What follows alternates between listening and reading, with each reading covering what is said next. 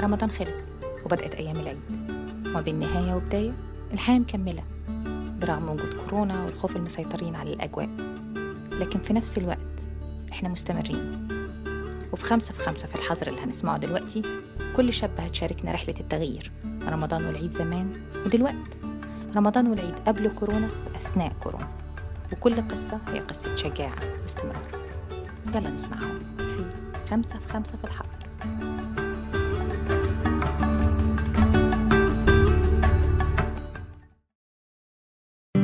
دي العيدية وصلة النية وردة حب من سودانية. بنكهتنا ولون الفتنة عشان لمتنا الوجدانية دي العيدية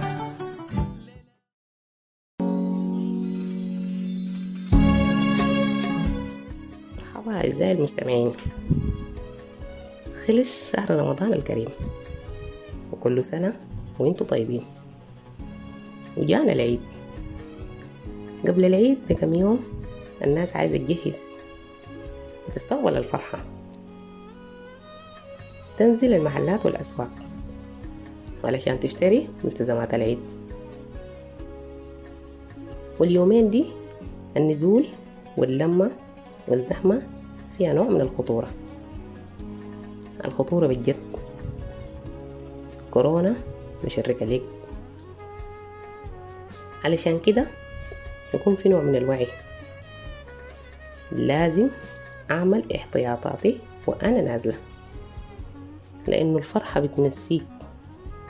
كل حاجة بتكوني عايزة تبسط العيال. وتجيبي ليهم جديد. وملابس العيد. وتجهزي التزامات البيت.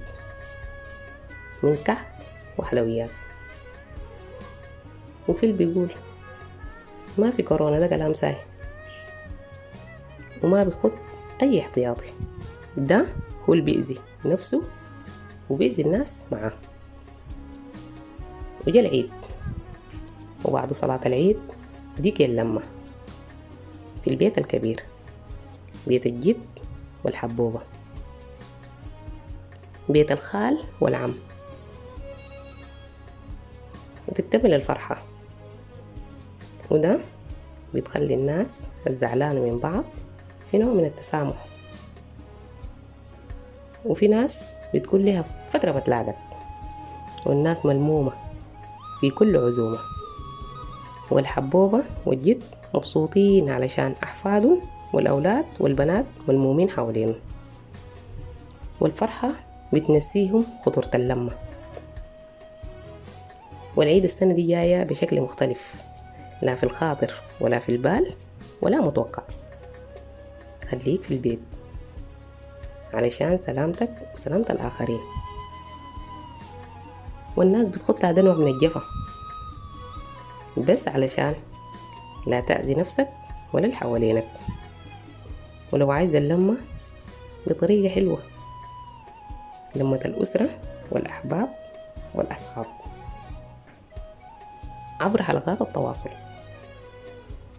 وبكده تكون اطمأنيت على كل صلة رحم وكل الأحباب وكل الأصحاب.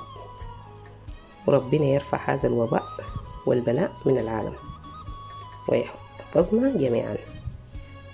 وحمان الله لو قعدت في البيت الكورونا ما بتجيك ولنا لقاء دي العيدية وصلة النية وردة حب من سودانية عشان لما